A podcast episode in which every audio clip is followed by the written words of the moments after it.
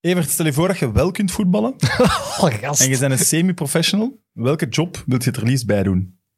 Ehm, Semi-prof, dus pak een part-time. Ehm, tuinman, dat lijkt me zoiets rustgevend. Dus dat zou ik nog wel graag erbij doen. Mit Mit, de voetbalpodcast van Friends of Sports. Nu ook op PlaySports. Welkom bij Mit, de voetbalpodcast van Friends of Sports en Play Sports. Welkom ook aan mijn special guest. Door Michel Louagie, ooit omschreven als het allergrootste talent ooit uit de jeugdopleiding van A-agent. Winnaar van de zilveren medaille in de Gouden Stut van 2006.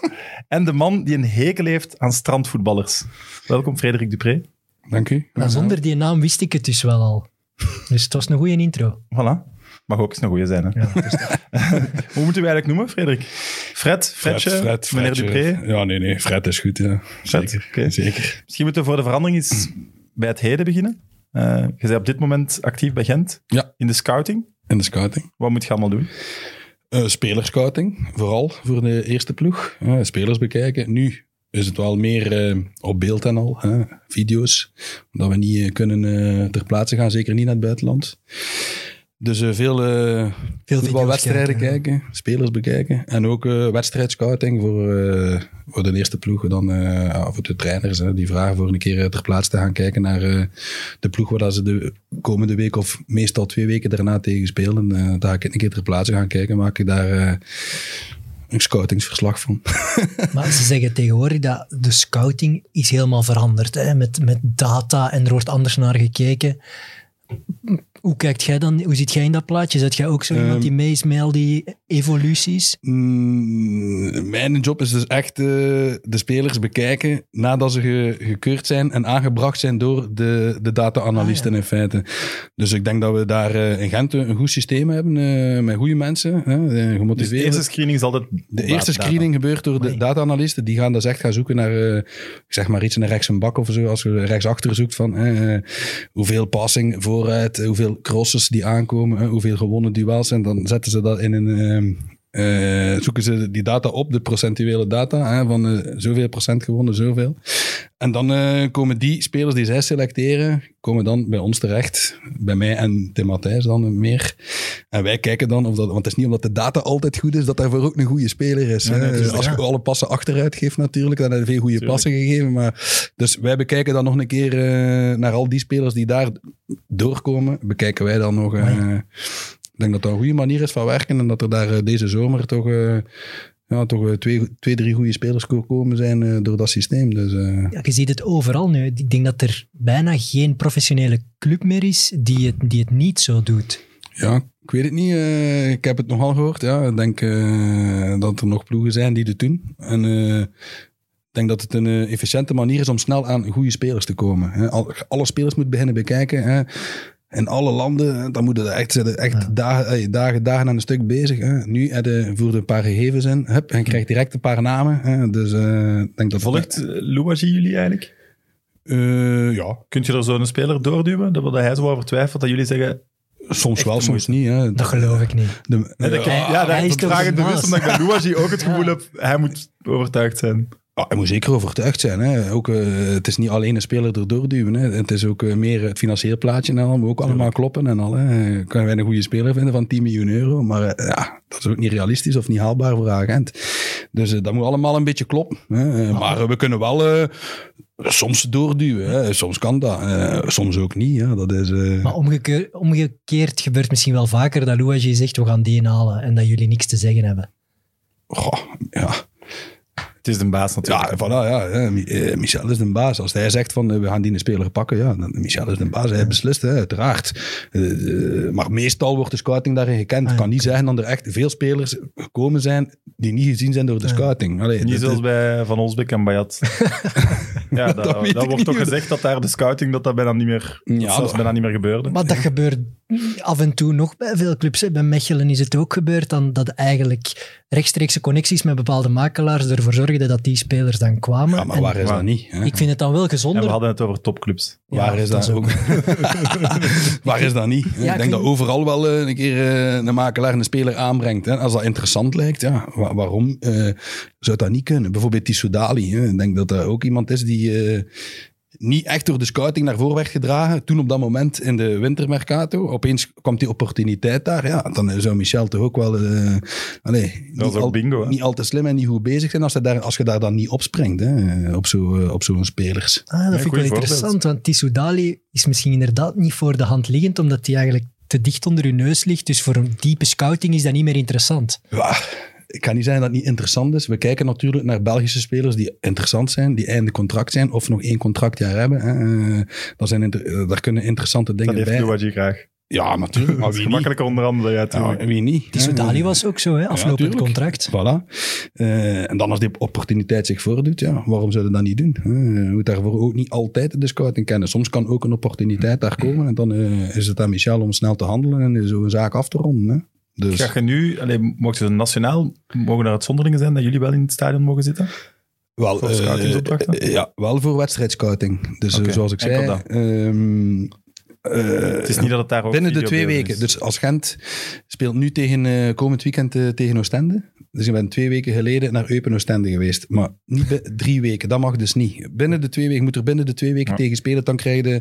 En als corona er nieuw is, wel. Ja, dan, Dan gaat het wel al veel vroeger. Ja, ja, ja. Dan, dan, oh, veel vroeger, dat zou ik niet durven zeggen. Het is wel meestal rond de twee, drie weken. Het heeft ook geen nut om de- naar, Nee, een speel- voilà. naar een ploeg te gaan kijken. Het kan ook drie- blessures, Ja, schorsingen. ja. Meestal is het binnen de twee weken altijd dat we dan gaan, gaan kijken. Maar Eu- Eupen Oostende, jong. Dan zet je twee dagen weg.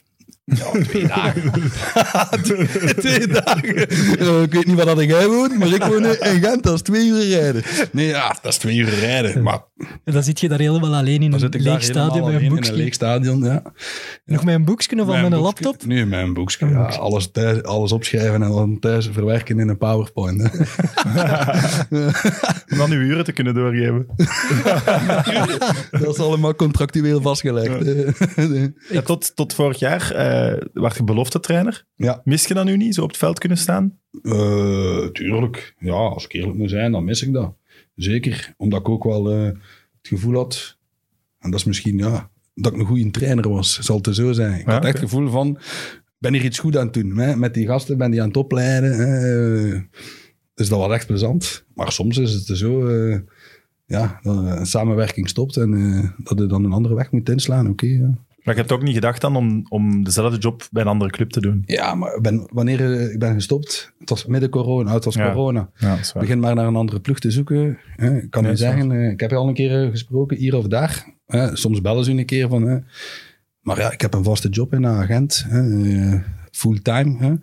Ik kan niet mijn job opgeven om ergens trainer te zijn. Met alle respect in een mindere ploeg of zelfs in een eliteploeg. Hè. Eh, maar ja, daar dat het niet fulltime kan werken, waar dat alleen jeugdtrainer kan Nee, zijn, ja, dan eh, ga je geen, ja, geen loon verdienen wat ik niet verdienen bij agent bijvoorbeeld. Dus, Ik had een goede vraag van Björn de Kok. Ben jij de ontdekker van Matisse Samois? Want dat wordt gezegd. En dat hem door u nog bij Gent zit. Dat is waar. Dat Ja? is zeker waar, ja. ja, ja, ja. Dus, goh, Dat is toch een mooie verdienste als belofte trainer. Ja, pff, een mooie verdienste. Vooral dat laatste is wel straf, vind ik. Dat hij gebleven is omdat jij er een bepaalde invloed op hebt gehad. Niet een invloed. Het was zo, eh, midden van het seizoen bij de U15, ik was toen belofte trainer, assistent bij de beloften. Hè.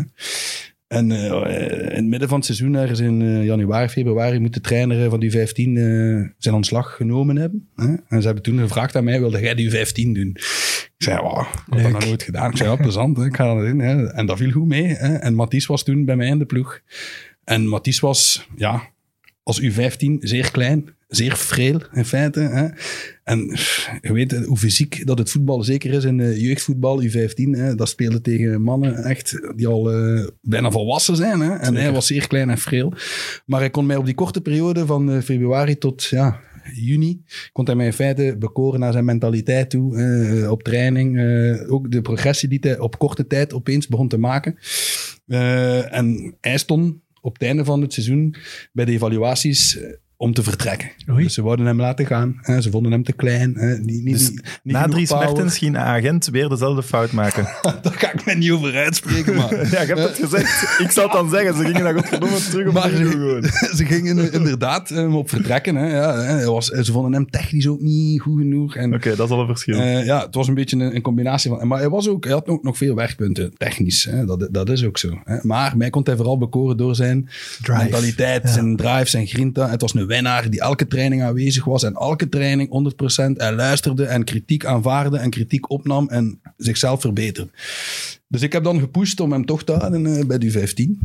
eh, om hem daar eh, in agent te houden. En dan heeft hij bij de U16 ge- gespeeld, bij een andere trainer. En is hij terug bij mij gekomen eh, bij de U18. En dan heb ik hem vorig jaar ook nog gehad bij de belofte. Dus ik heb hem in feite meerdere jaren onder mij gehad. En eh, dat was een jongen, ja, met, ja, hoe zal ik het, de juiste mentaliteit. Hè. Daar is natuurlijk nog altijd... zie je wel, allee, op, u- op U15 is er dan een, een selectie van heren die zegt, "Hmm, hij gaat het misschien niet halen, we, we gaan hem wegdoen. En een paar jaar later debuteert hij in de eerste ploeg. Dus het, het is toch bizar hoe het gaat. Hè? Ja, het is, Ja, maar het is eh, ook vaak dat bijvoorbeeld eh, een groot, groot talent bijvoorbeeld op de bank zit voor iemand die er totaal niet in komt. Dus je moet wel wat door selecteren Ja, ja, en geloven op... Er werd Je altijd moet geloof in andere man. jongens in de Ja. jeugd. Voilà. Met meer talent, begrijp je? Opvallend talent. Opvallend Iets dat direct in talent. hè. springt. Dus, eh, die Ja. op die leeftijd, bij U15, U16, eh, echt heel goed waren. hè, Die daar het verschil maakten. En dat is ook logisch dan, Mhm. dat het daarin gelooft. Dat is eh, een logische zaak. Natuurlijk, als trainer staat het er dichterbij. Staat het dichter bij de groep en zie je elke training, elke wedstrijd, hè, hoe dat ze zich gedragen in de kleedkamer, buiten de kleedkamer. Dat zien natuurlijk andere mensen niet. Hè. Daarom dan er ook evaluaties zijn, want dan komt de trainer erbij. Hè. En ik heb toen kunnen zeggen van, ja, ik zou Mathies en Wazen niet wegdoen. Ik zou hem houden. En ze hebben daarnaar geluisterd, ze hebben hem gehouden. Eh, En hij heeft dan, ja, door zichzelf ook de progressie blijven maken. Hij is dan terug bij mij gekomen bij die 18.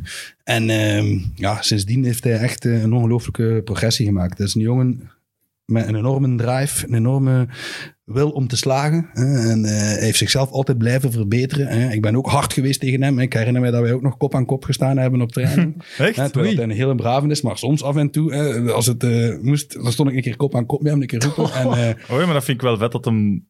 Allee, het deinst dan ook niet terug. Nee, nee, nee, nee. nee. Dat is toch dat ook moet wel kunnen. voor zo'n jonge dat, dat moet kunnen. Hè. Het was Ja, iemand met, eh, ja, met een enorme drive om te slagen. En eh, hij heeft die progressie dan eh, nog twee jaar gemaakt bij mij, bij de 18 bij de belofte. En dit seizoen, ja, eh, door de corona heeft hij wel in de eerste ploeg kunnen beginnen meetrainen.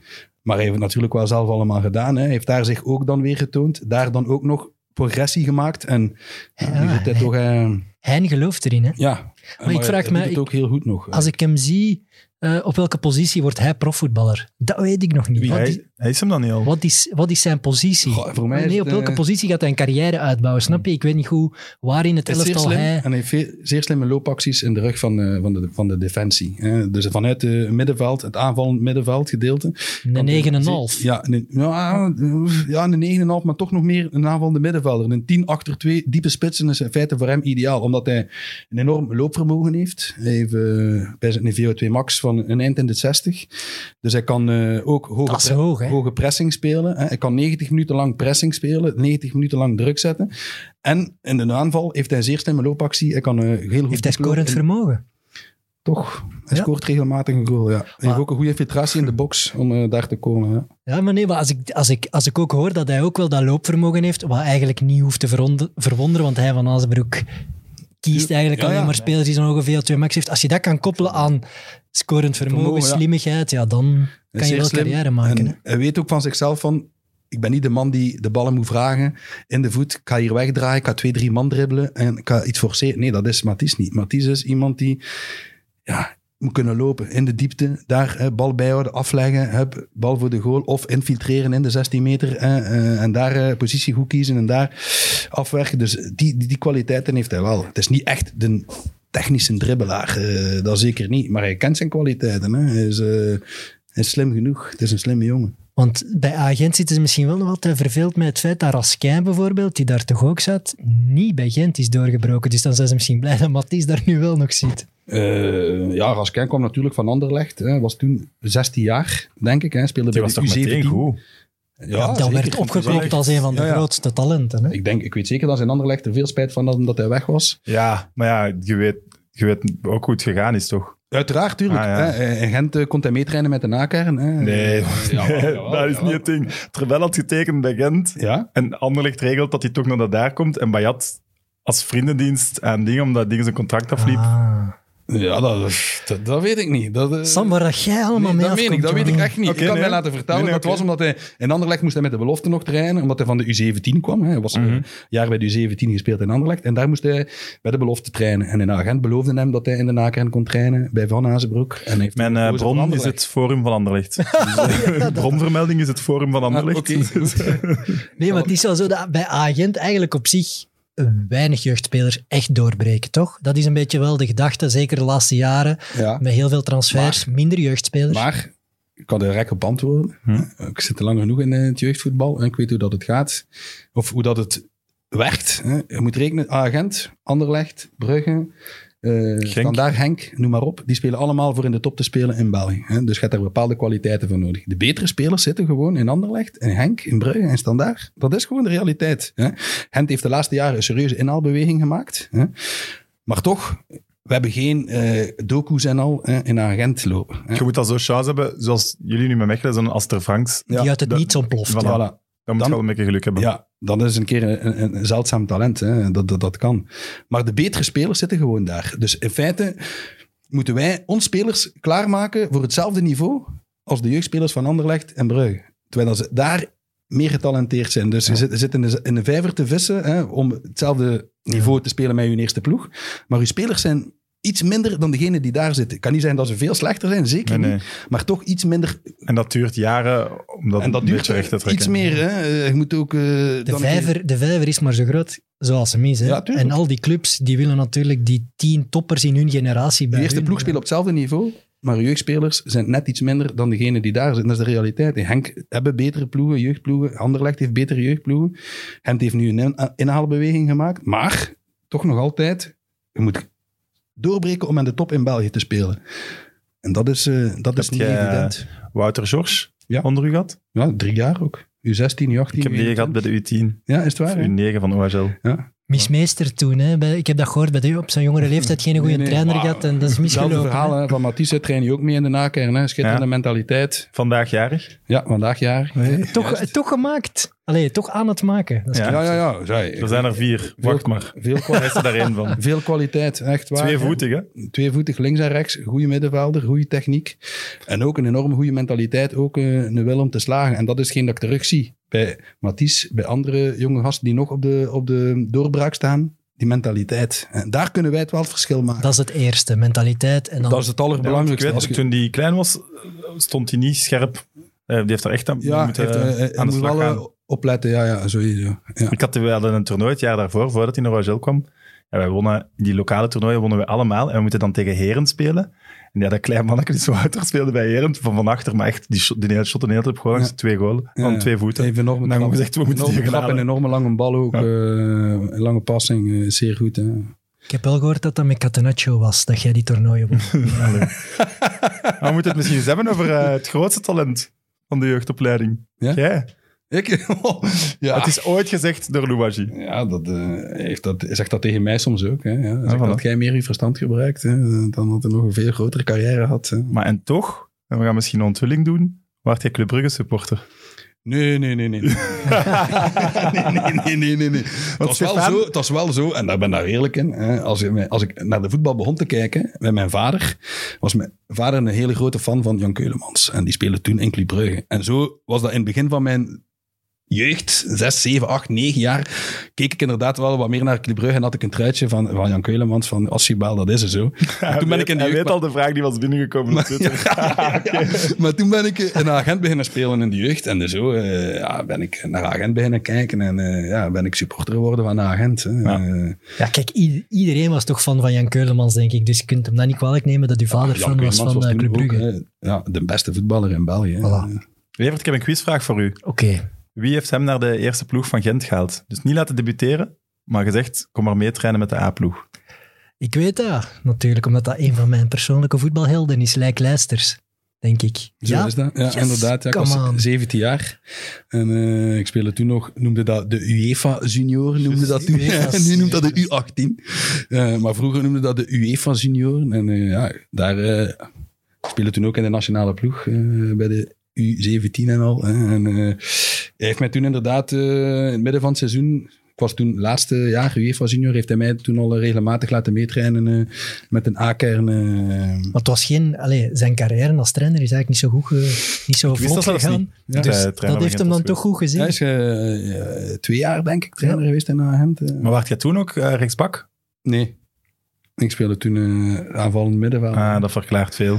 Want je bent dat uitgeleend geweest aan Oudenaarde Ja. en je werd daar topschutter. Ja, ja. Maar waar ik lees die dat. info hier? Ja, ik lees dat en ik denk, oh joh, wat zot Ja, seizoen heeft hij gehad. eh, Vroeger eh, speelde ik aanvallend middenveld en eh, ja, ik scoorde ik veel golen. Hè. Dat ik, veel. kon ik goed dribbelen en eh, scoorde ik af en toe wel een keer een goal. En, en zeker toen dat ik moest zakken, dat was eh, het seizoen nadat ik in de nakern, dus na Kleisters weg was, was Boskamp gekomen. En, eh, De eerste keer Boskamp. de eerste keer Boskamp, ja. Boskamp, de man die in jong talent gelooft. Die talent lanceert. Ja, ja, ja.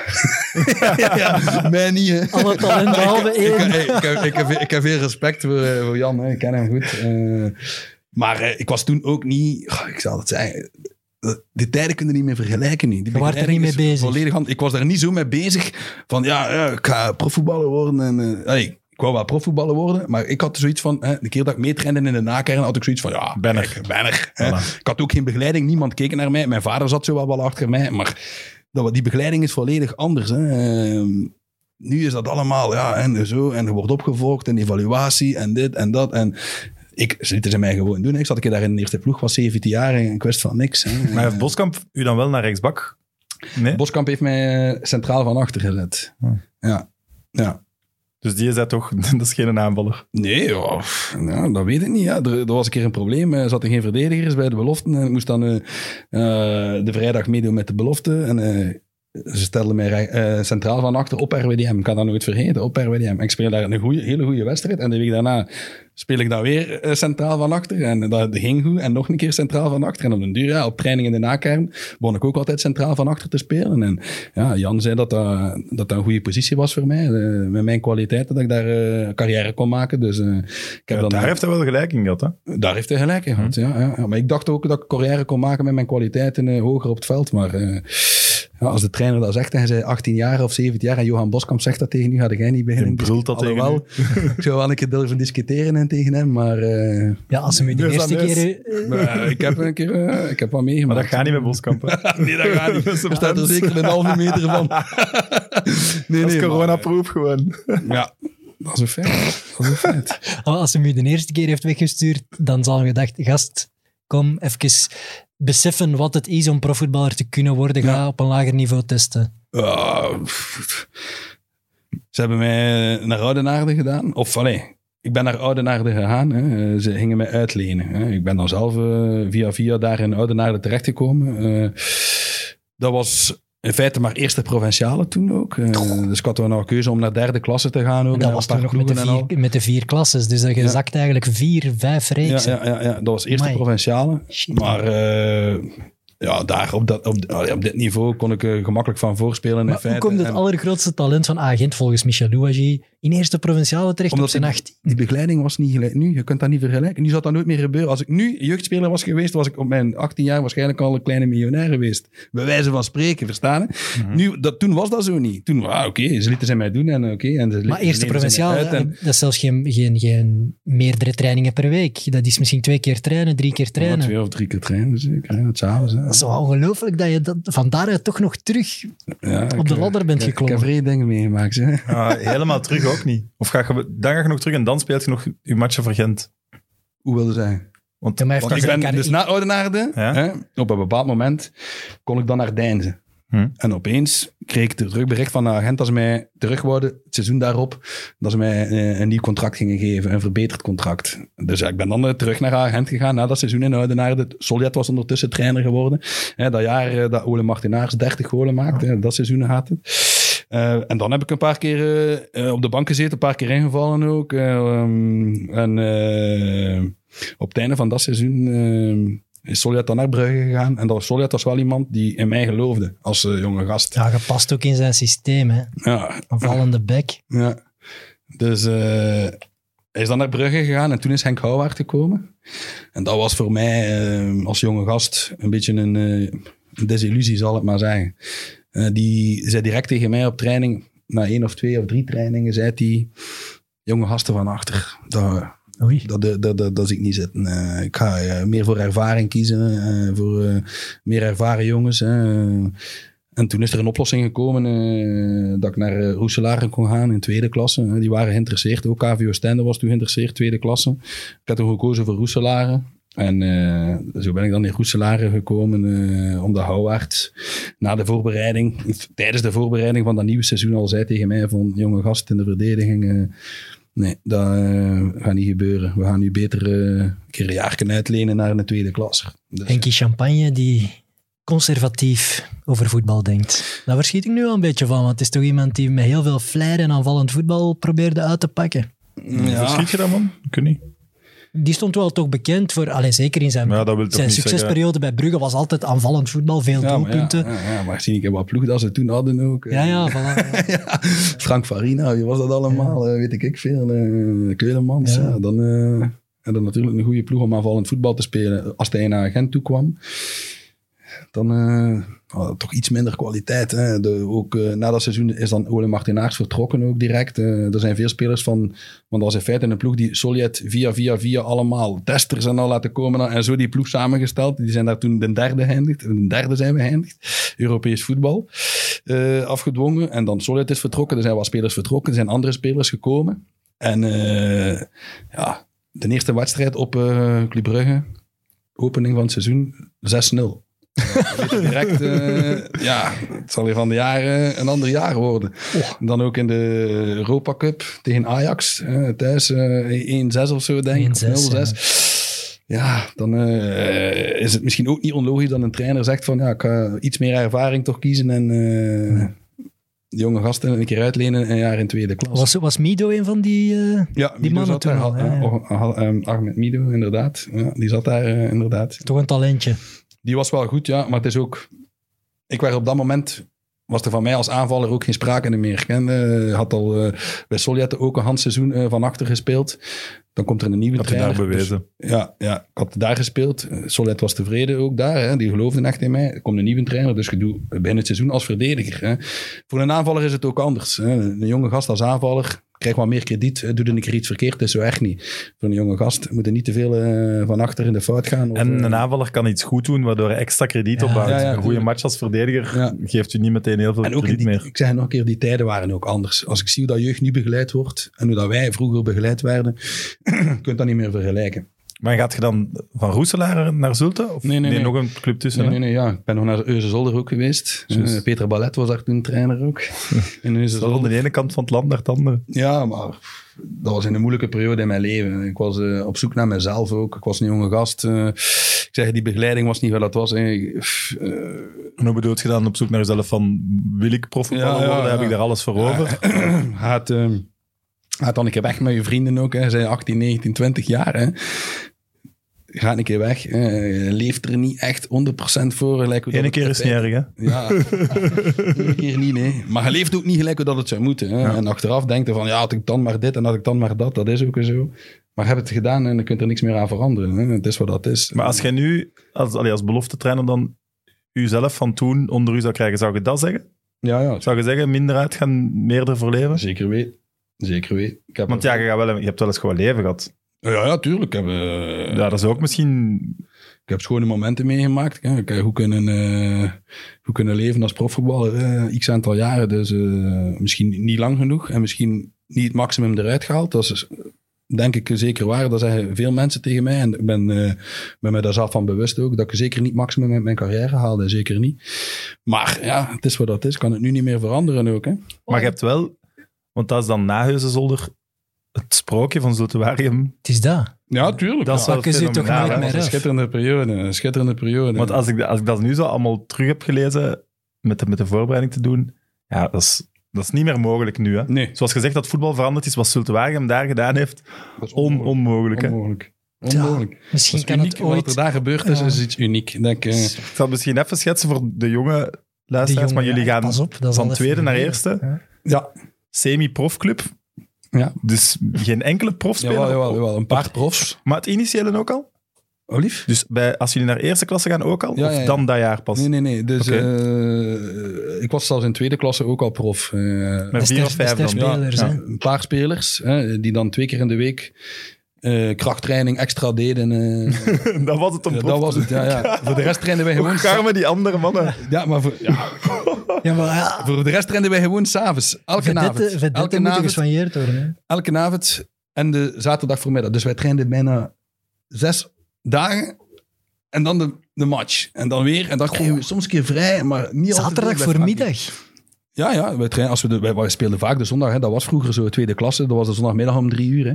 Dat was er zo. En eh, de zaterdagmorgen trainden wij. Ja, ja, sowieso. En eh, Maar hoe vet is eh, vier, vijf profs. een, prof, een semi-profclub die iedere avond traint Ja. gewoon?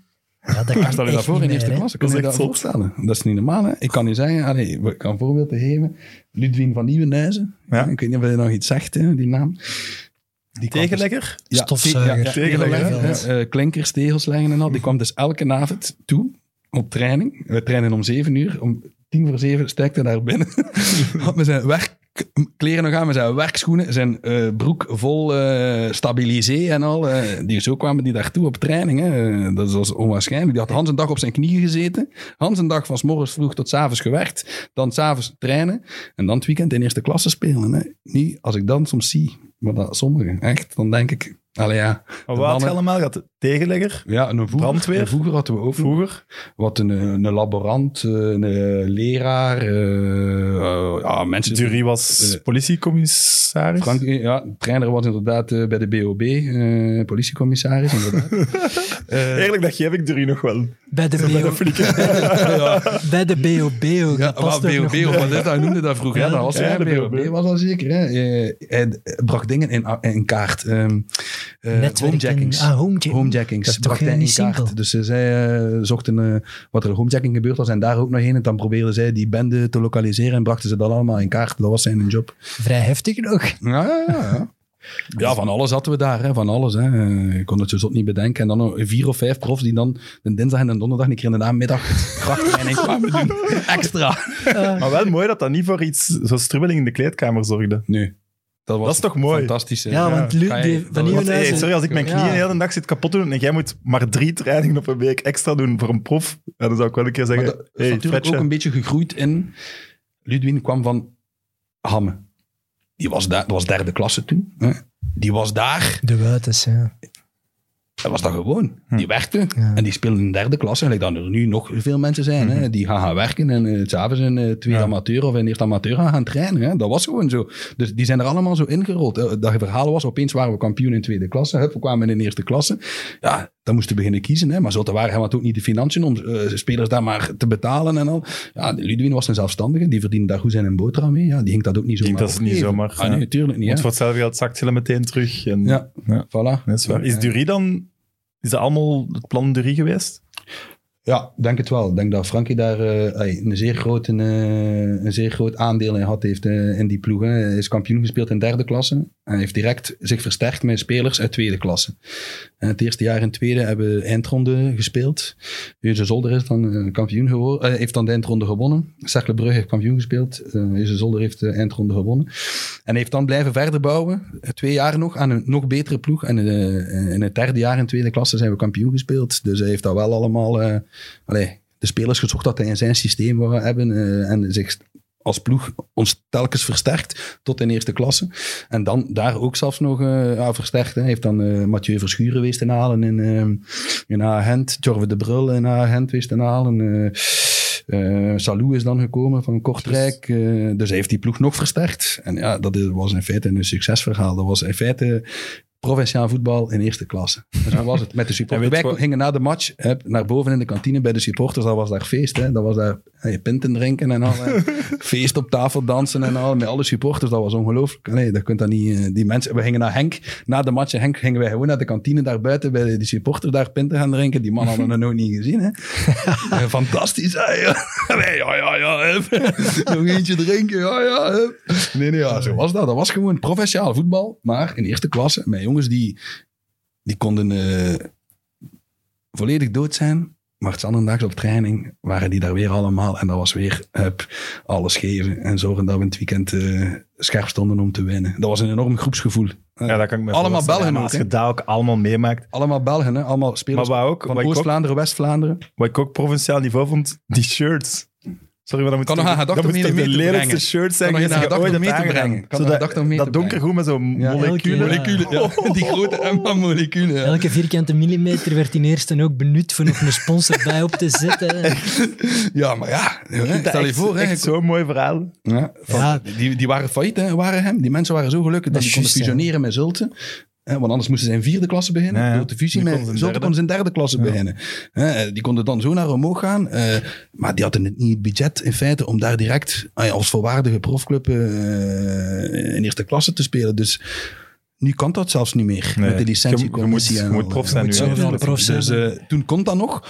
Eh, of is er daar een, een toestemming voor gebeurd? En eh, die mensen ja, zochten natuurlijk overal sponsors. Dus al die sponsors moesten dan ook op de trui komen. Dat was allemaal geld. Hè? Dat is ook logisch. Hè? Evert, kent je nog veel spelers van die ploeg? Goh, wacht, hè. ik kende ja, sowieso eh Stijn Meert, denk ik dat er al bij was. Eh, Nathan Damers, Ja, die zelfs nog eens is opgeroepen voor de Rode Dat Duivels. was ook in die, die periode. hè? Van Nieuwenhuizen, eh, op middenveld.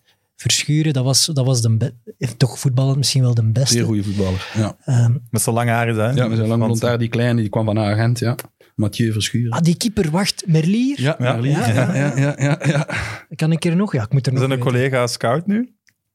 Ah, die Matthijs, natuurlijk. Die had ik ook in mijn, eh, ja. in mijn gouden elf. Ja, dat zijn die dat ik ook nog wist. Ja. Dus ik denk dat je In tweede klasse zal het al moeilijker zijn. In de ploeg die daar kampioen is Ja, geworden. Tony Sergeant was er nog. Toen- ah, ja. Stefan Ja. Ja.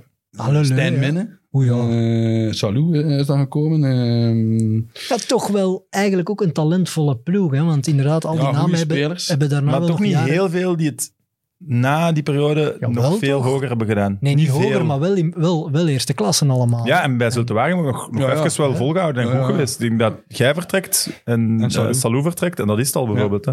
de rest is gebleven. Ja, ja, ja. Nee, nee, dus allee, ook veel Allee, respect zo- voor. Ik wil zeker niet denigrerend doen, maar wel niet, niet dat er daarna nog eh, buitenlandse carrières zijn Dam- uit Damers, voortgekomen. of- Damers is opgeroepen voor de nationale ploeg. Wat wilde nog meer? Ja, Maar we moeten eerlijk het land zijn. der blinden.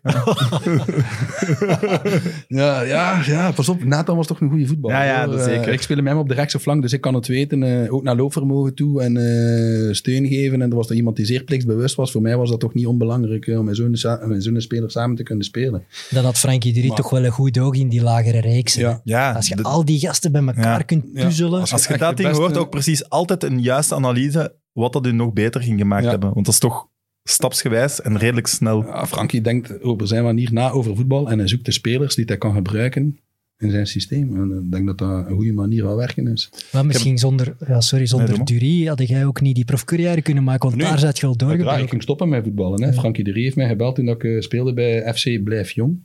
Dat is eh, een uh, caféploeg. Ja, Ze aan het lachen. Het is waar, hè? ja, Ik ben grappige naam, hè, ben niet gewoon, aan- maar- Ja, ik ben niet aan het zeven. Ik dacht dat dat naam van het café was waar je elke dag zat. Eh, Het café in met de breugel. Blijf eh, dronken. Nee, oké, sorry. Dus, eh, nee, maar het is echt waar. Hè. Dus, eh, ik, ik was gestopt hè, in deze zolder. Ik had daar iets voor gehad eh, met bestuur ook. Maar ik ben geweest een testen in Griekenland, ben teruggekomen. Ze zeiden dat ik onwettig afwezig was. Ze hebben mij- ze hebben mij dan ontslaan. Zo gezegd. Oké, dat was in, rond de winterperiode, rond de winterstop. En ben dan gestopt met voetballen. Eh, naar zolder. En ik speelde in Blijf Jong, eh, cafévoetbal.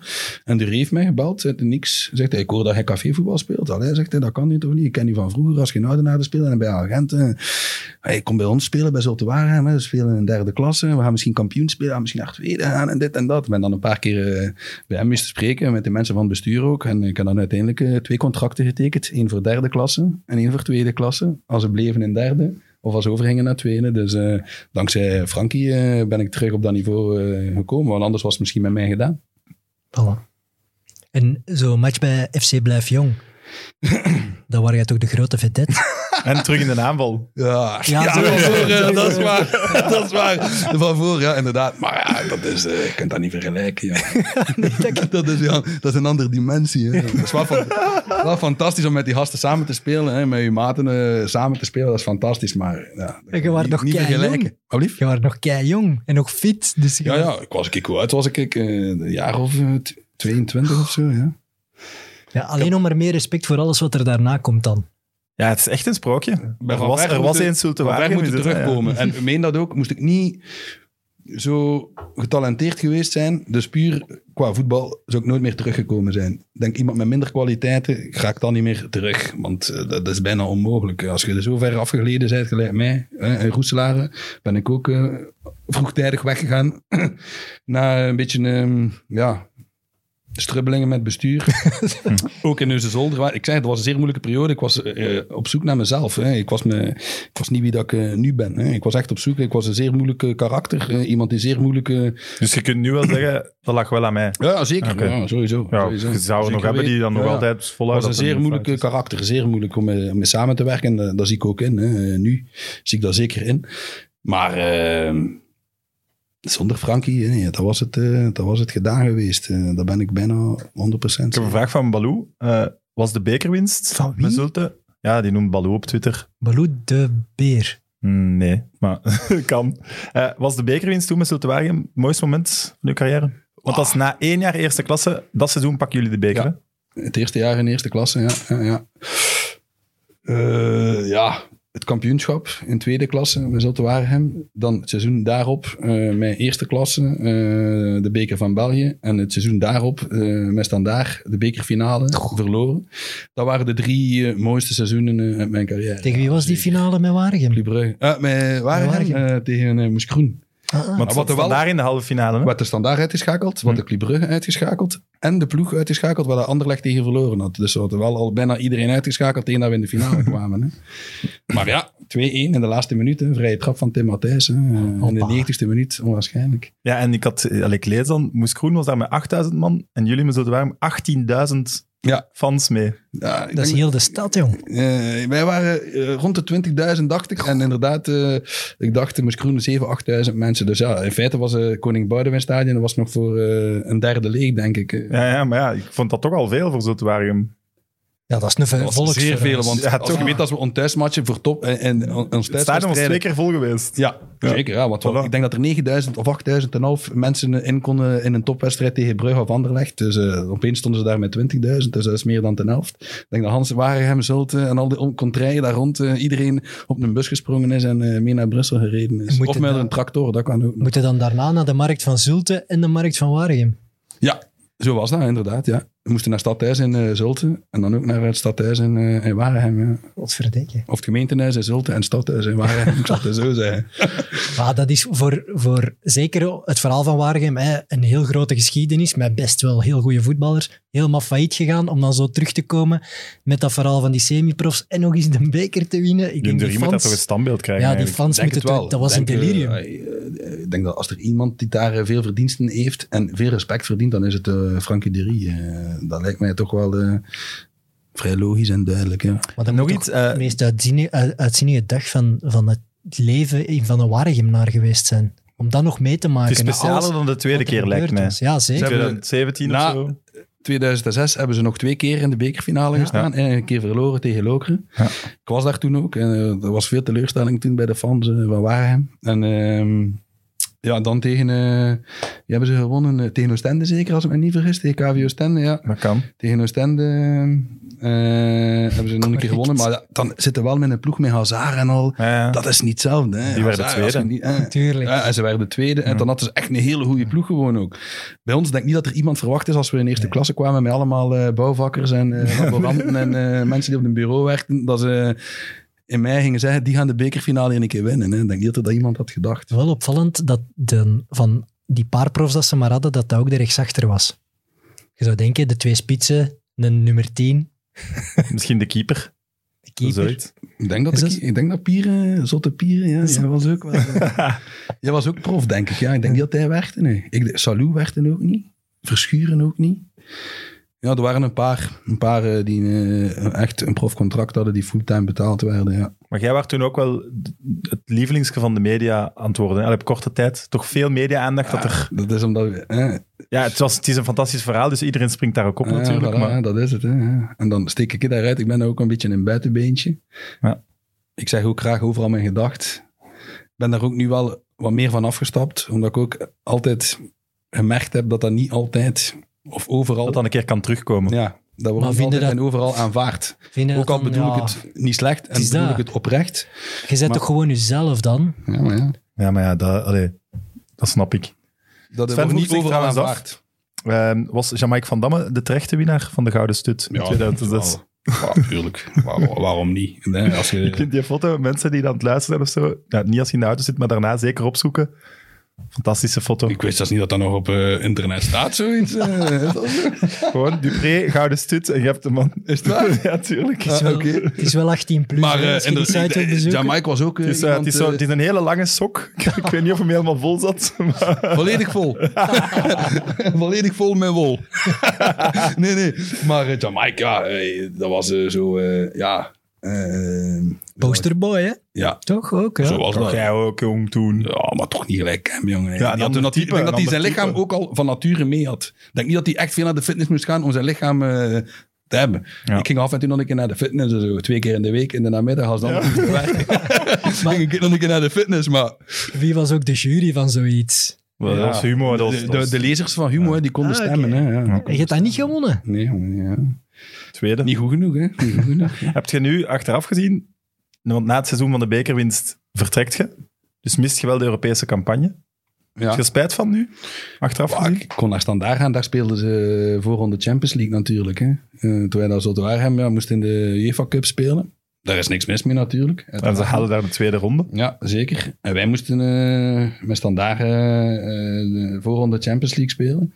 Dus ja, ik krijg de kans om op die leeftijd dan ook nog toch nog een deel van uw verloren carrière, hè, zo zag ik het dan, om dat te recupereren en een topclub te gaan. Standaard, hè, geweldige sfeer, geweldig stadion, eh, ambiance, een topclub, eh, spelers, uh, Concessao, noem maar op. Dat geloof ik wel. Maar ik had gehoord van, van Leroy Del Tour, van de Kick and Rush podcast, even reclame maken. En grote dat jij waarde van. de, en grote Zulte van inderdaad, dat je wel in het Ottenstadion naar de thuismatchen van Zulte bent geweest jaar nadien. Tegen Ajax? Ja, ja, tuurlijk. Ja, ja, ja, Onder de fans Tegen gewoon. Ajax, eh, tegen, Als standaardspeler. tegen, Vind ik eh, mooi. Ja, maar hij- Newcastle ook, denk ik snap het ook. Ik had zo'n grote band met die... Ik zou dat ook doen, toch? Nee, zo'n grote band met die spelers, die ja. mensen. Nee, tuurlijk. Dat zijn... eh allee, dat is ook logisch. Je hebt daar zo lang gezeten. Je hebt er zo goede, goede herinneringen. Je hebt eh, mooie resultaten gehaald. eh, Want heb je dan met Standaard die voorronde gewonnen? nee, Nee. we Dus- zijn eh, eruit gegaan eh, tegen eh Steaua Boekarest. In feite. Thuis 2-2. En eh, daar eh, verloren met eh, 1-0, denk ik. Als ik me niet vergis. Is dat ook niet... Je gaat... Oké, Standaard topclub zeker waar. Heel goede ploeg ook op dat moment. Ook nog aan het bouwen. Maar ja, ook nog de kans van je carrière om veel geld te verdienen. Ja, veel geld. Je moet dat niet zien eh, zoals nu. Hè. Eh, nu is dat... Hey, dat is buiten, eh, buiten proporties aan het gaan nu. Hè. In die tijd was dat oké.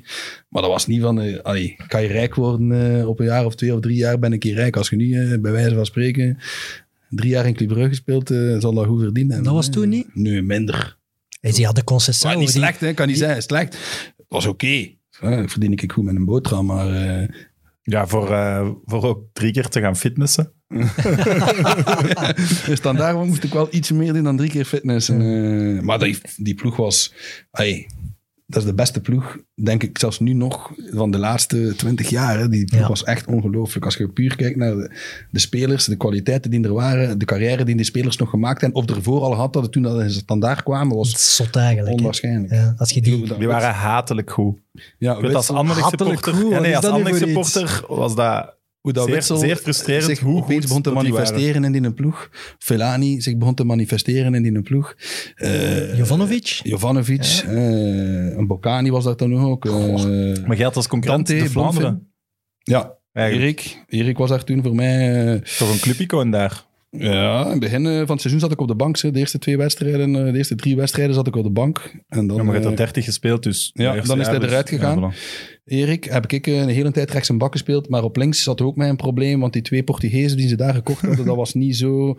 Dan ben ik links een bak beginnen spelen en. Erik rechts. Dus eh, ja, ik hoor ik veel van spelers, ja, links, rechts, dat is allemaal wat dan, maar Hatelijk goed. Dat is, dat is respectful gezegd dan. Absoluut. Ah, ja. Nee, nee, 100 procent. Ja, ja. Eh, dat was echt ja, een, stevige ploeg. Aanvallende ploeg, irritant. toch En ook? ook, de, ge- het ging niet. Je kon ze niet kloppen. Ja. Ja, maar dat is omdat je zo figuren als Concessao en zo misschien wat tegensprak. Omdat die, Eh, die het is- kon ik heb het eigenlijk wel vooral over het daarna. uithangen. Dat seizoen, dan het jaar nadien komt een Bocani, denk ik. Ja, Dan, ja, die waren onklopbaar. hè. ja, ja. ja. Nee, dat Ja, was ook... hey, zo, hey, en Anderlecht was toen ook echt heel, heel goed. Hè? Maar Standaard was gewoon nog een tikkeltje beter. Dante Bonfim. Hè, Ja, nog in. Bayern München Ja, gespeeld. hè. Villani in Manchester United gespeeld. Witzel hè, in eh, oh, oh, oh, Borussia Dortmund en eh, Benfica gespeeld. En Dupé. Steven de Voer hè, in Porto. eh, Jovanovic, Bocani, eh, De Camargo, Jovanovic. ja, dat is een geweldig Dat is- Dat is, sterk dat is misschien wel het beste Jupiler Pro League team dat, Dat- in mijn leven... Ja, voilà, in ons leven Ja. waarschijnlijk misschien wel, ja. Dat is Maar alhoewel dat ongelooflijk. ik... Ja. Nee? Ja, ja, ja. was Nee, team. Nee, nee, nee. nee, nee, nee. Nee, ja. ja, pas op. Hè. Zulte Waregem hebben we twee keer gewonnen net tegen Standaard Ah. het seizoen daarvoor. Dus, in de competitie en in de beker. Hè. Dus, Maar de trainer die we gaan halen, is weer Boskamp, hè? nee, nee, nee, nee, nee, nee. Ik was, eh, Boskamp is pas gekomen toen ik mijn contract al getekend was. Het ding Ah, was Oké, maar ja, hij was wel uw tra- eerste Ja, trainer bij hij was mijn eerste trainer is dan daar. Ja. Michel Predom was de technisch directeur. Ja. En eh Dominique hè, Donofrio was eh, de trainer. En die, toen hebben we dat contract getekend. toen zij daar nog waren. En Boskamp is toen gekomen. eh, Wat dacht je dan? Shit, Boskamp.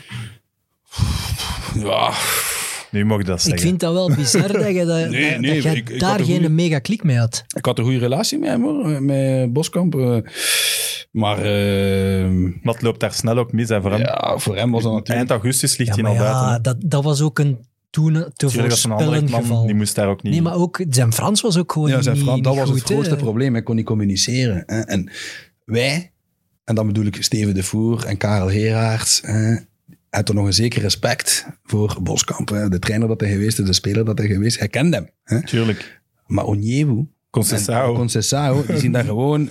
Ja, zo'n man staan brullen, brullen, en al. Die denken eh, bij zichzelf, dat hier? Ja, man, nee, ja.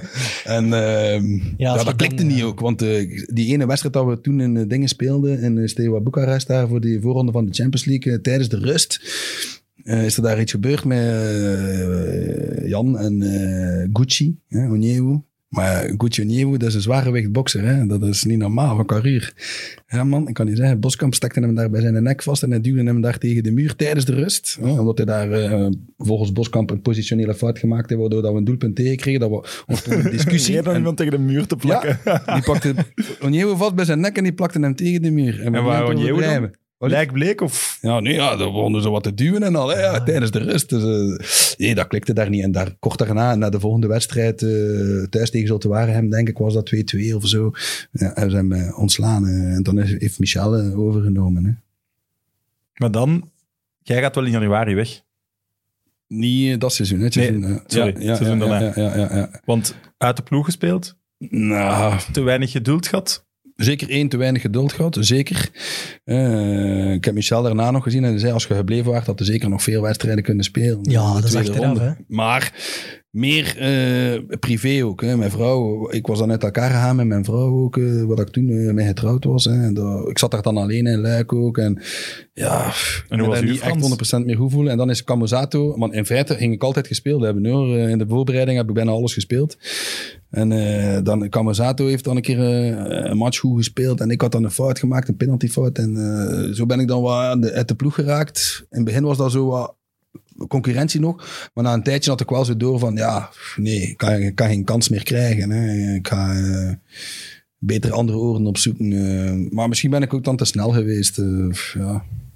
We weten op voorhand niet. hè. Nu kunnen zeggen, ja, ik ben te snel geweest of niet. Of ja, Camusato was ook een goede voetballer, hè? Dat was wel Ja, een stevige concurrent, hè?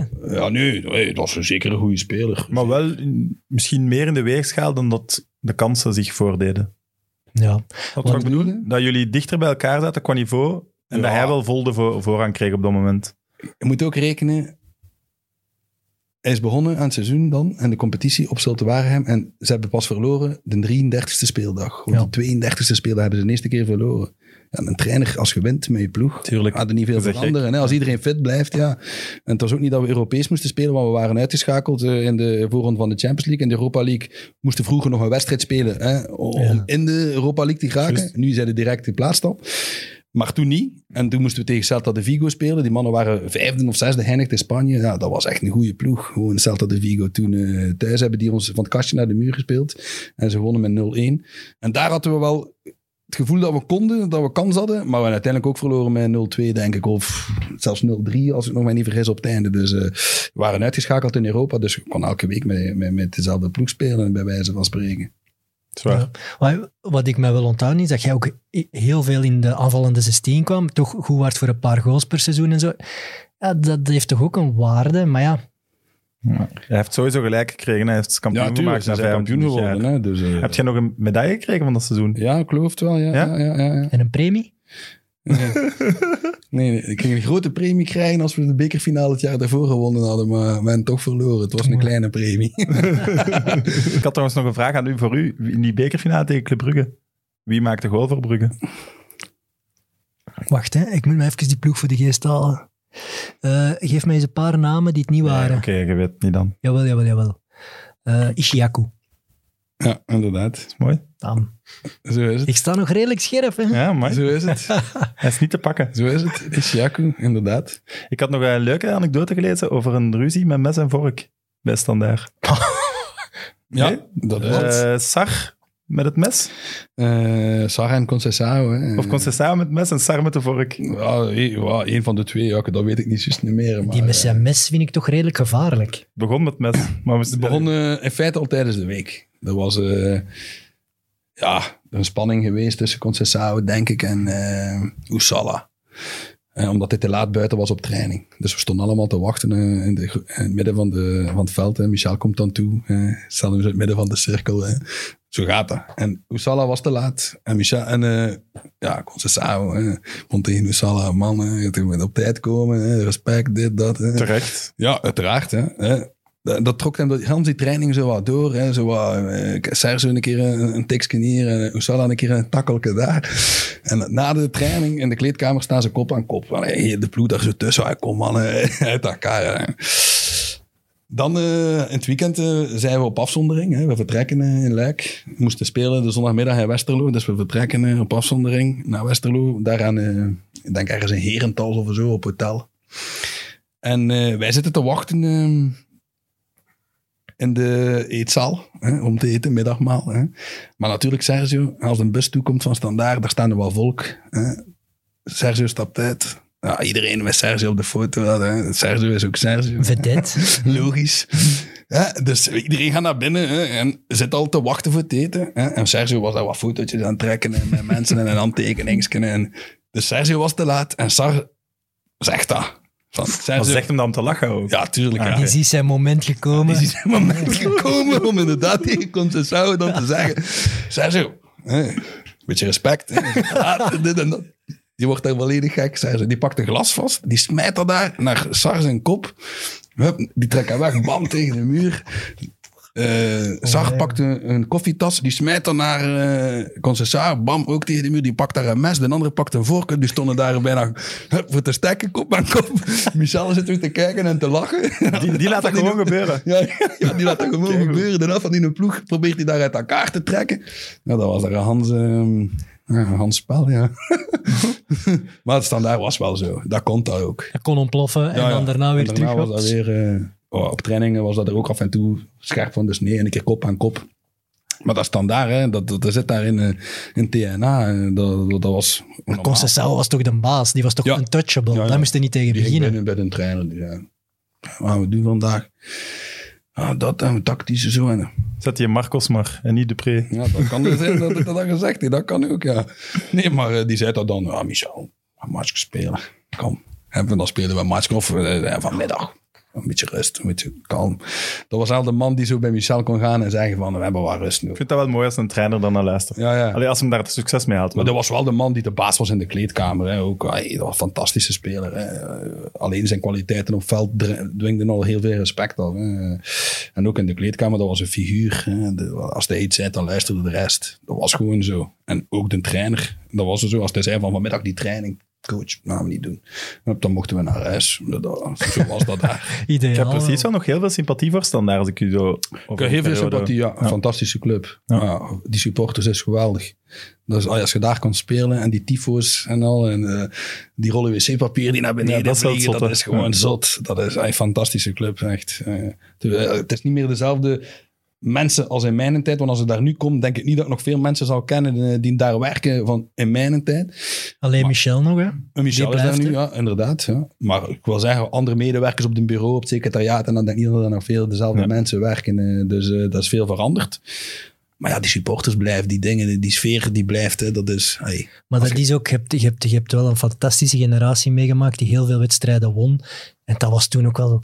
Dat stadion stond in brand. Hè. Elke topmatch was dat fenomeen. Ik denk dat dat in België ongeëvenaard ja, blijft. ja, nu. Ja, pas op als je Brugge. daar kan spelen. Brugge zo... Ja, maar niet Oh. gelijk standaard. Nee, oké. Het is anders. Het is anders. Het is, is anders. Dat is echt daar zo Italiaanse eh, toestanden daar. Je ziet het nog altijd. Hè. Is- Italiaanse toestanden. Ja, Zoveel stonden vuur, Wat wel. ook met standaard is een geweldige publiek op verplaatsing. Ja. Veel ploegen, hè, als ze slecht spelen aan de rust of verplaatsing, worden uitgefloten en al. Of ze beginnen te, die mogen er 5-0 achter staan op verplaatsing. Ze blijven zingen Hans een match lang, 90 minuten lang. Dat is mooi. Maar ze komen wel, als het slecht gaat, een keer op training langs om te zeggen, jongens, hoe zit het? De eerste match dat we spelen, dat seizoen dat ik daartoe gekomen ben, na Zulte Waregem dus, hè, het eerste jaar, op Lokeren. En er was al een, een incident geweest met Donofrio op het einde van het seizoen. Ze hadden toen verloren tegen Agent Anderlecht was kampioen geworden. En zat er dan gras met die Ruiz naar- en penalty. Ja, ja inderdaad. Ja. Zat daar, eh, gras zitten smijten en al naar eh Donofrio op het podium, hè, daar. En er was al een beetje strubbeling. En de eerste match van het jaar spelen we op Lokeren en we verliezen. Ja, ik kan je zeggen, als we s'avonds terugkwamen, de spelers stonden in de kleedkamer, hè, de supporters in de kleedkamer. Hè, ze stonden daar in de hangel. hè, En Sergio moest al direct beginnen eh, bemiddelen. maar eh, ja, een stevig publiek. Maar, Die hebben wel veel macht, hè, daar, de fans. ja, ja, maar ook echt fantastisch om te spelen. Clissin is echt to- top. Oké, maar genoeg positief over standaard. eh. Ja. Ah, nee, Nee, maar dat was een grapje. als, als Je moet er ook van profiteren Als nu. nu ex-speler kan er wel een keer Ja. zeggen eh, van, ja, dat het gewoon een geweldige club is met een geweldig stadion en een Dat geweldige... is echt niet normaal. en jij kunt dat nu toch hebben, want het gaat, er, het gaat er niet zo goed. En ik zie de komende jaren ook niet ineens weer de topclub.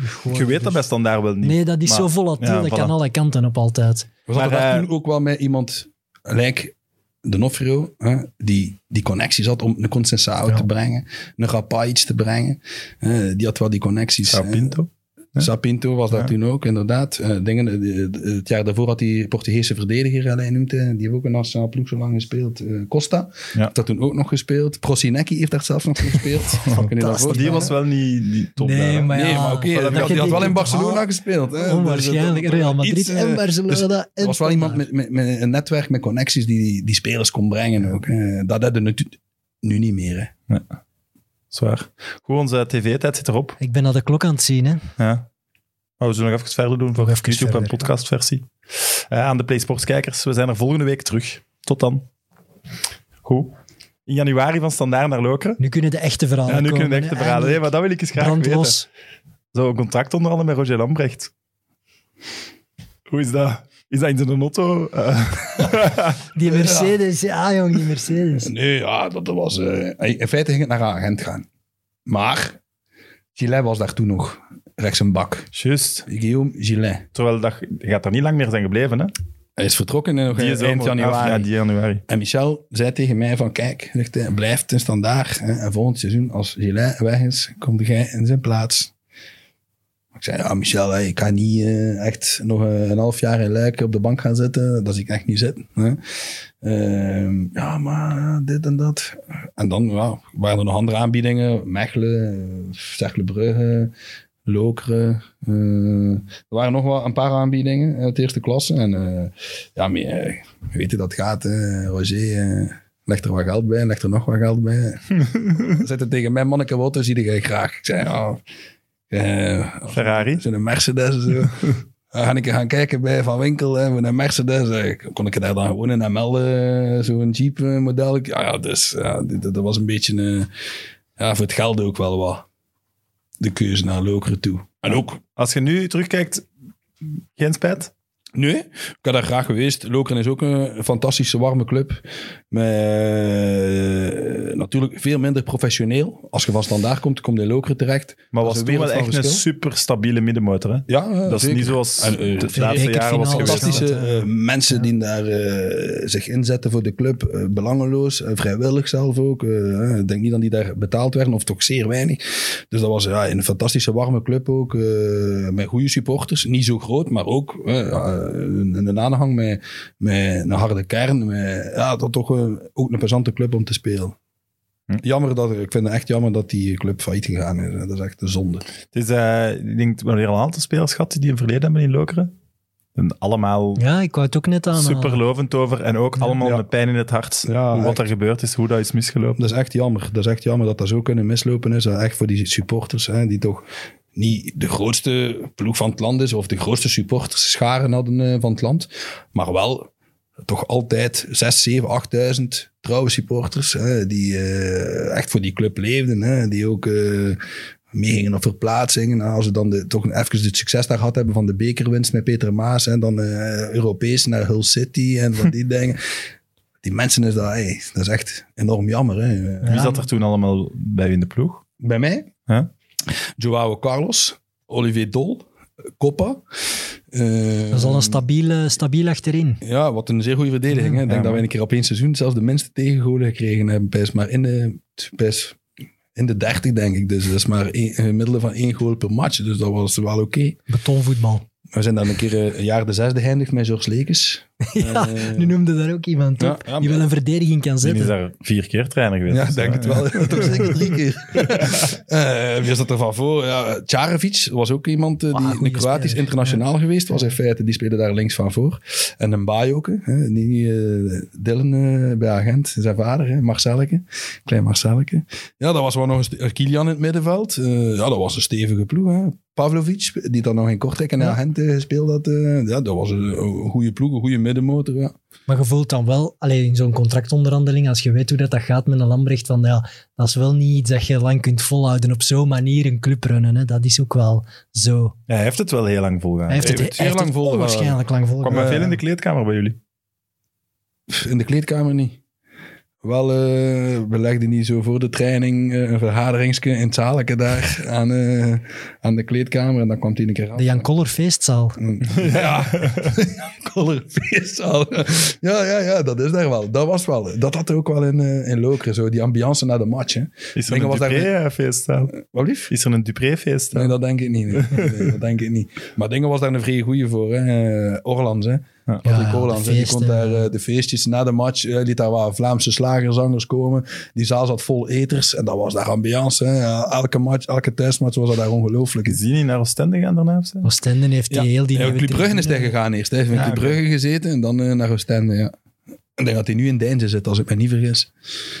Ja, op Oostende is, is, is- bij die bouw van die nieuwe tribune van Mark Koeken heeft Orlands er ook voor gezorgd dat dat daar een van de gezelligste bedoelingen werd na de wedstrijd. Ik ben Ja. daar ene keer toevallig beland. Ik dacht, wat is dat hier, jong? En die hadden verloren, hè? Ja, ja, Die verliezen die match feest. en die ja. Orlands pakt daar de micro. Dat Die begint daar een of andere slager zelf te zingen. Ja, ja, we zongen zelf ook. En die zaal ontploft. En dat was ook, ja, de sponsors, hè, ja, die betalen daar. Ja, ja. hè. Die, die wouden dan na het eten hè, daar een, een show. Hè, ja, en zo was dat. Of dat hij niet verloren had of gewonnen had. Voor die mensen was dat niet zo eh, ja, een hoofdzaak. Hè. En dan moest je er als speler langs gaan om van al die 50-plus vrouwen kussen te krijgen. Ja, moest daar iedereen een keer eh, ja, bij de sponsor, de hoofdsponsor. Als het maar bij kussen blijft. Ja, een keer goeiedag gaan zeggen. Een keer een babbel- een keer een babbeltje slaan. eh. Ja, zo was dat. Zo was dat. Heerlijk. Ik vind dat wel... Het moet een eh, volkssport blijven. Hè? Ja, voilà. Kijk, en dat heb je wel veel meer bij die kleinere clubs dan, dan zeker tegenwoordig. Maar nu niet meer. Is alles georganiseerd. Nee, ja, zult hem ook niet meer vergelijken met vroeger. eh, Dat is onmogelijk. Allee, ik wil zeggen, ja, maar buiten, buiten dan Maar de dat is ook, like, infrastructuur. like die Evert zegt, dat is ook niet toch- vol te houden Maar- op hoe dat Zultuarium toen gerund werd. Ik weet het Of denk je van wel? Half, half. maar niet op die manier. Zeker niet. S'avonds Half trainen, en al, s'avonds trainen niet. Maar, de binding ze hebben wel een beetje, fans en Zultuarium heeft spelers wel een visie een beetje verlogend. Dat ze toen hadden. Waar dat ze mee begonnen zijn. De kern van jonge Belgische spelers eh, die mislukt waren in eerste klasse. Die gezakt zijn naar tweede klasse of naar eh, derde klasse. eh, terughalen. eh, en, die Oké, Fred, maar dat is omdat ze nu hun lat hoger leggen. Ja, hoger Dat dan gaat dat, niet meer met die dan spelers. ons. Maar ik denk niet dat ze de lat hoger ligt nu dan dat wij gedaan hebben. Hè? Nee, nee, komen- dat, dat jullie gedaan hebben niet, Ah, ja, maar dan dat dus- er van jullie verwacht werd Ja. wel. Hè? diegene, Dat is toch een de Als je druk dat- en zo dat erbij komt kijken? Nee? het is ook gewoon... Ja, jij weet het beter dan mij. Hè? Het is gewoon niet zo gemakkelijk om met die visie elk jaar een ploeg te hebben die garantie in eerste klasse blijft, zorgeloos draait Nee, nee, en inderdaad tuurlijk, elk jaar nog groeit. Als je dan eens een slecht jaar hebt, dan roepen supporters ook een Het is wel een beetje weg. Hè? Ja. Het is wel weg, dat, snap waar. ik ook. Ja, het is niet... Het is allemaal weg. Het is niet een beetje weg, het is allemaal weg. Hè? Hoeveel spelers zitten daar nu nog die eh, in België opgeleid zijn? Hè? Olivier de Schacht, Het is een transferhuis geworden, zoals en Laurens de Bok, clubs, en dat zal het ver gehad hebben. Hè? Ze proberen wel, Bossut. denk ik, met de Fouw en Simons Ja. daar nu toe, toe te voegen om dat terug wat te gaan doen. Dat denk Maar ik het wel. blijft nog ook een, een zeer leuke club om, eh, om eh, te Maar en ook- spelen, dat ben ik zeker. Je moet het Thurie toch ook geven, van de tien jaar, van de afgelopen tien jaar, zo vaak is hem niet laag geëindigd. Hè? Nee, nee, nee. nee. Ook nu, het was een heel slecht seizoensbegin. Ja, ze staan Als nu ik één ding kan zeggen over... hè, ik heb met goede trainers kunnen werken in mijn carrière, echt, dat meen ik. Hè, met Michel, eh, met Soljet, met Boskamp. Boskamp. ja, Meekes. ja, tuurlijk, ja. hè, Die ook een mooie palmarès gehaald als trainer. Hè. Dus eh, met goede trainers kunnen werken. Maar als ik ook één ding mag zeggen over Frankie, dat is wel, het is een vakman. Dat moet ik wel zeggen. Is er echt 100% mee bezig. Hij is obsedeerd van voetbal. Hij eet en slaapt voetbal. En eh, hij had zijn visie, zijn idee en hij heeft het waargemaakt. En dan zeg ik, dan zit hij een goede trainer. Mhm. En het is een vakman, dat moet ik eh, eerlijk zeggen. Eerlijk. Want dat is, dat is het gevoel dat ik ook heb. Ik denk dat vier jaar geleden of zo is dat ze ook echt helemaal van onder staan op Ja, ja. het midden van het seizoen. En hij blijft wel bij, bij hetzelfde Ja, ding en hij trekt ze er altijd zelf wel ja. terug uit. Dat is zeker waar. Ze hebben Zeker. dit jaar en ook een paar jaar geleden hebben zijn ze zo slecht gestart dat iedereen dacht, ja, dit wordt het jaar waarin Dury dan toch zal degraderen. Het is niet gebeurd. Nee. Dus, eh, Zwaar. Het is een paar keer geweest. Hè. Ook als hij een transfer gemaakt heeft naar Agent. Hij is een keer een jaar naar Agent gegaan. Ging toen naar Club gegaan. Maar is dan niet doorgegaan. Had dan opeens geen ploeg meer. Hè. Want Agent moest hij niet meer hebben. Want hij ging naar Brugge gaan. In Brugge wouden ze hem niet meer opeens. En dan eh, hadden ze ondertussen een... eh En wie zat er toen in Zulte, ja? Zottewaargem, eh, die, die van Nederland Ja. kwam, van Roda JC. Ja, ja eh, noemt hij niet? Die, eh, Kalinic? Nee. ja. Ja, nee. Kalesic. Kalisic, ja. Ja. ja. En toen is hij bij nieuwjaar gekomen. En, hij heeft ze nog gered. Degraderen bijna ook. En hij heeft ze ook dan toe, terug... Kom, we, gaan, we starten een petitie voor een standbeeld. Ja, Nee, maar ook, Aan het regenboogstadion.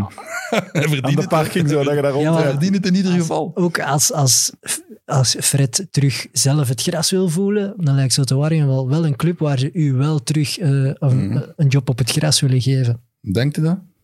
Denk dat niet. Nee? Ja, jij weet het beter dan ik. Nee, ja, het is gewoon ook... En dat vind ik soms wel wat jammer. hè. Mensen vergeten snel. Hè?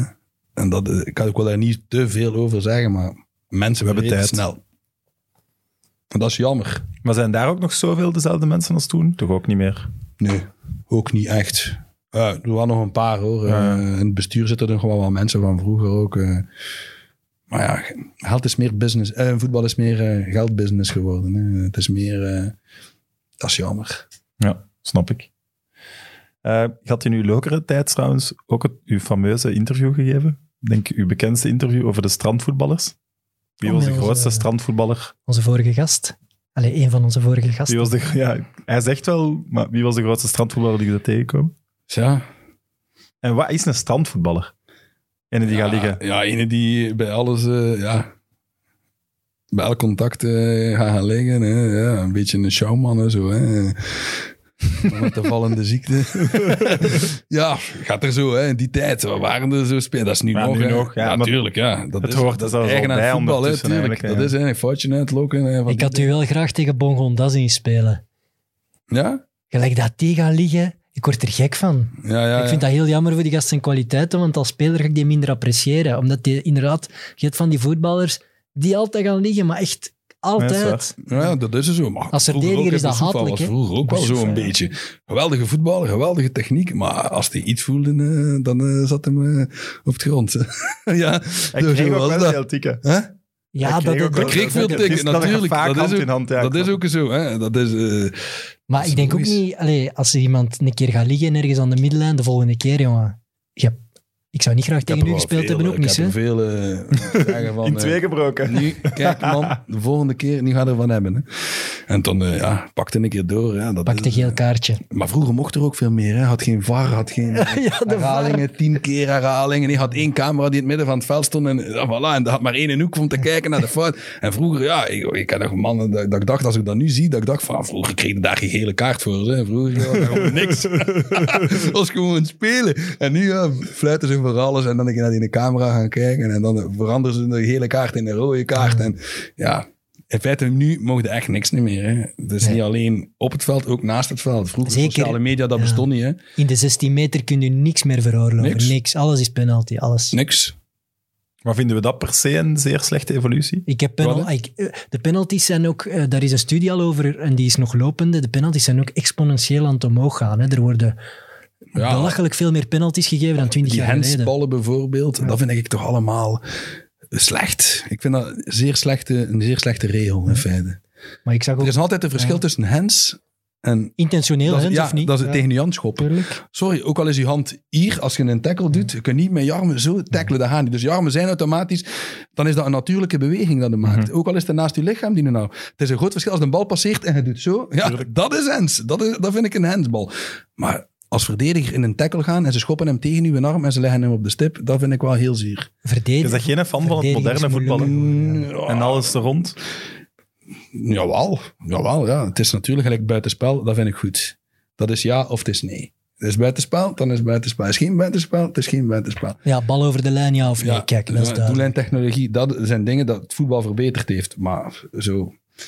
Ja, voetbal is nog altijd een contactsport. En soms is er een keer... eh, Bijvoorbeeld die, hele, die rode kaart van Hans van Aken. Dat vind ik echt een heel goed voorbeeld. Iedereen weet dat in voetbal dat zoiets kan gebeuren. Iedereen weet ook van... Hij wil zijn voet zetten op de bal. Ja. En ander tikt juist een bal weg. Dus je zit op zijn voet. Dat is voetbal. Dat hoort erbij. Ik ben, niet, ben bijna 100% zeker dat Van Aken nooit willen zeggen... Nee, Nee, nee, hier op uw nooit. voet. Nee.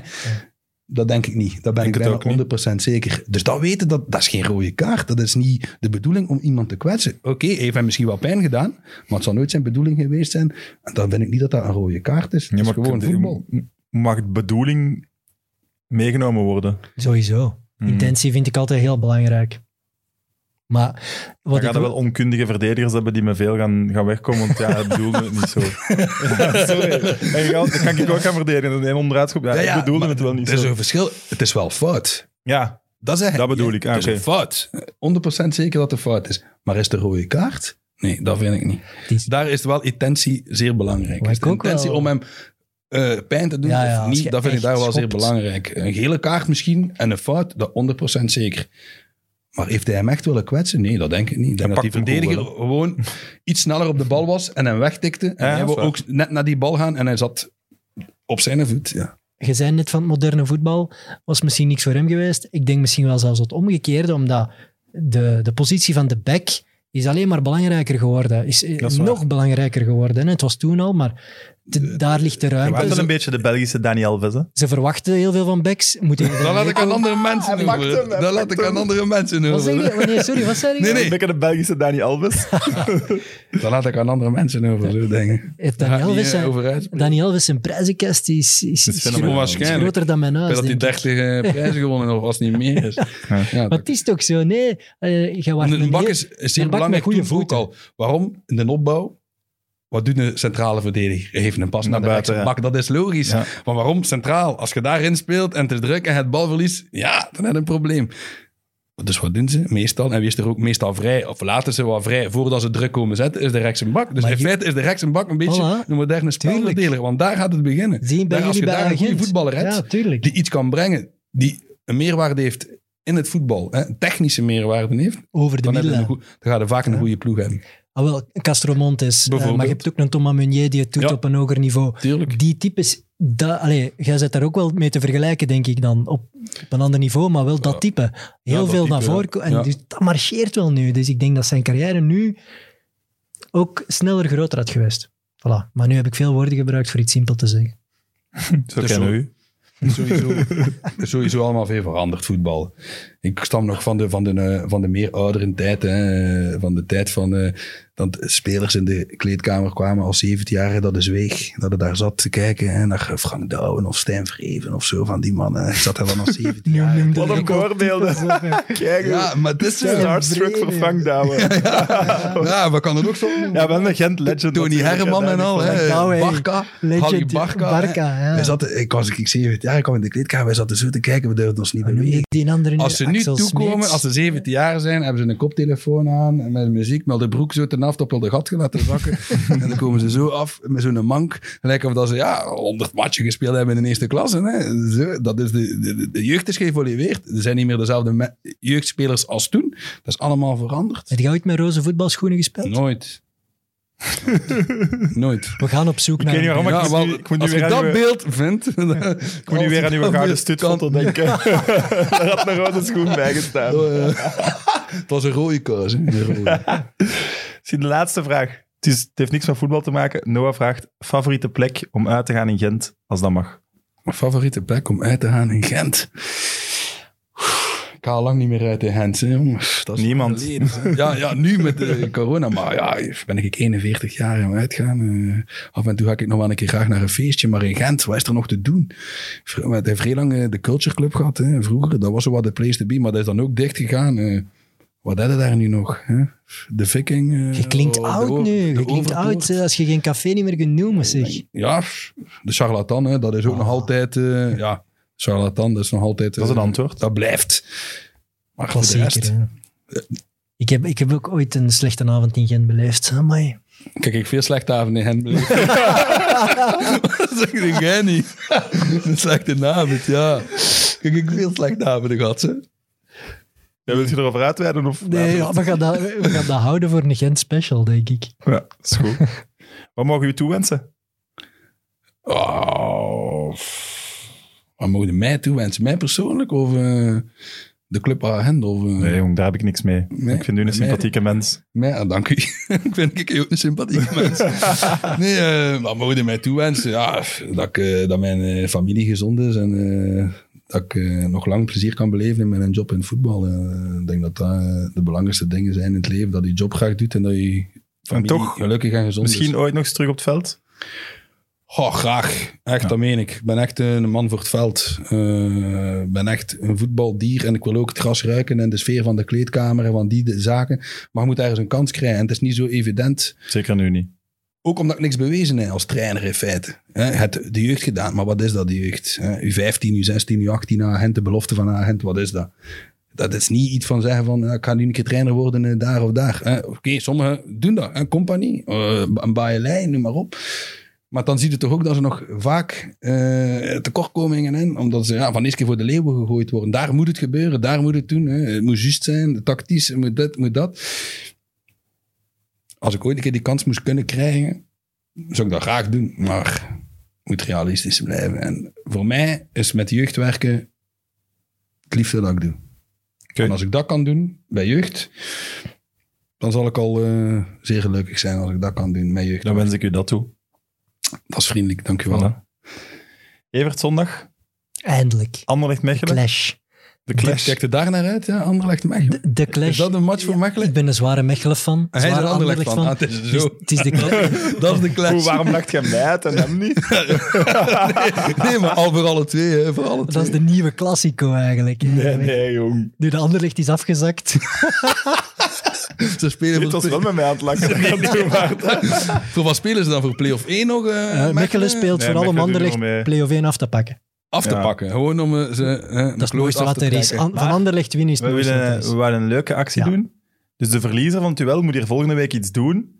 En de fans mogen onder de YouTube-video rea- video reageren wat de verliezer moet doen. Oei, oei, oei, oei, ik heb vertrouwen en dat is vaak een heel slecht teken. De vraag is-. De vraag is, wie kiest er wat er Dus de verliezer mag gewoon één van de opmerkingen kiezen. Dus die mag de minst erge kiezen als je pussy bent. Ça va. Spannend. Goed? Oké. Ja, wie denkt het eh, dat gaat worden? hebben Eh, vorige week al pronostiek gedaan. Ja, en, wat was het? eh, Ik heb 2-1 gezegd. voor Anderlecht dan? Ja, dat was voor de match tegen Standaard. En jij? 0-3. Voor Mechelen? Het zal wel Dat zijn. Dat week ook Dat is niet. straf. Dat is straf. 0-3? Ja, jongen. 0-3. Daar kijk ik opnieuw. dat denk ik Dat niet straf. je Dat vind ik straf. Maar ja, dat kan niet. Goed aan de kijkers en luisteraars. Tot volgende week. Mit Mit, de voetbalpodcast van Friends of Sports. Nu ook op PlaySports.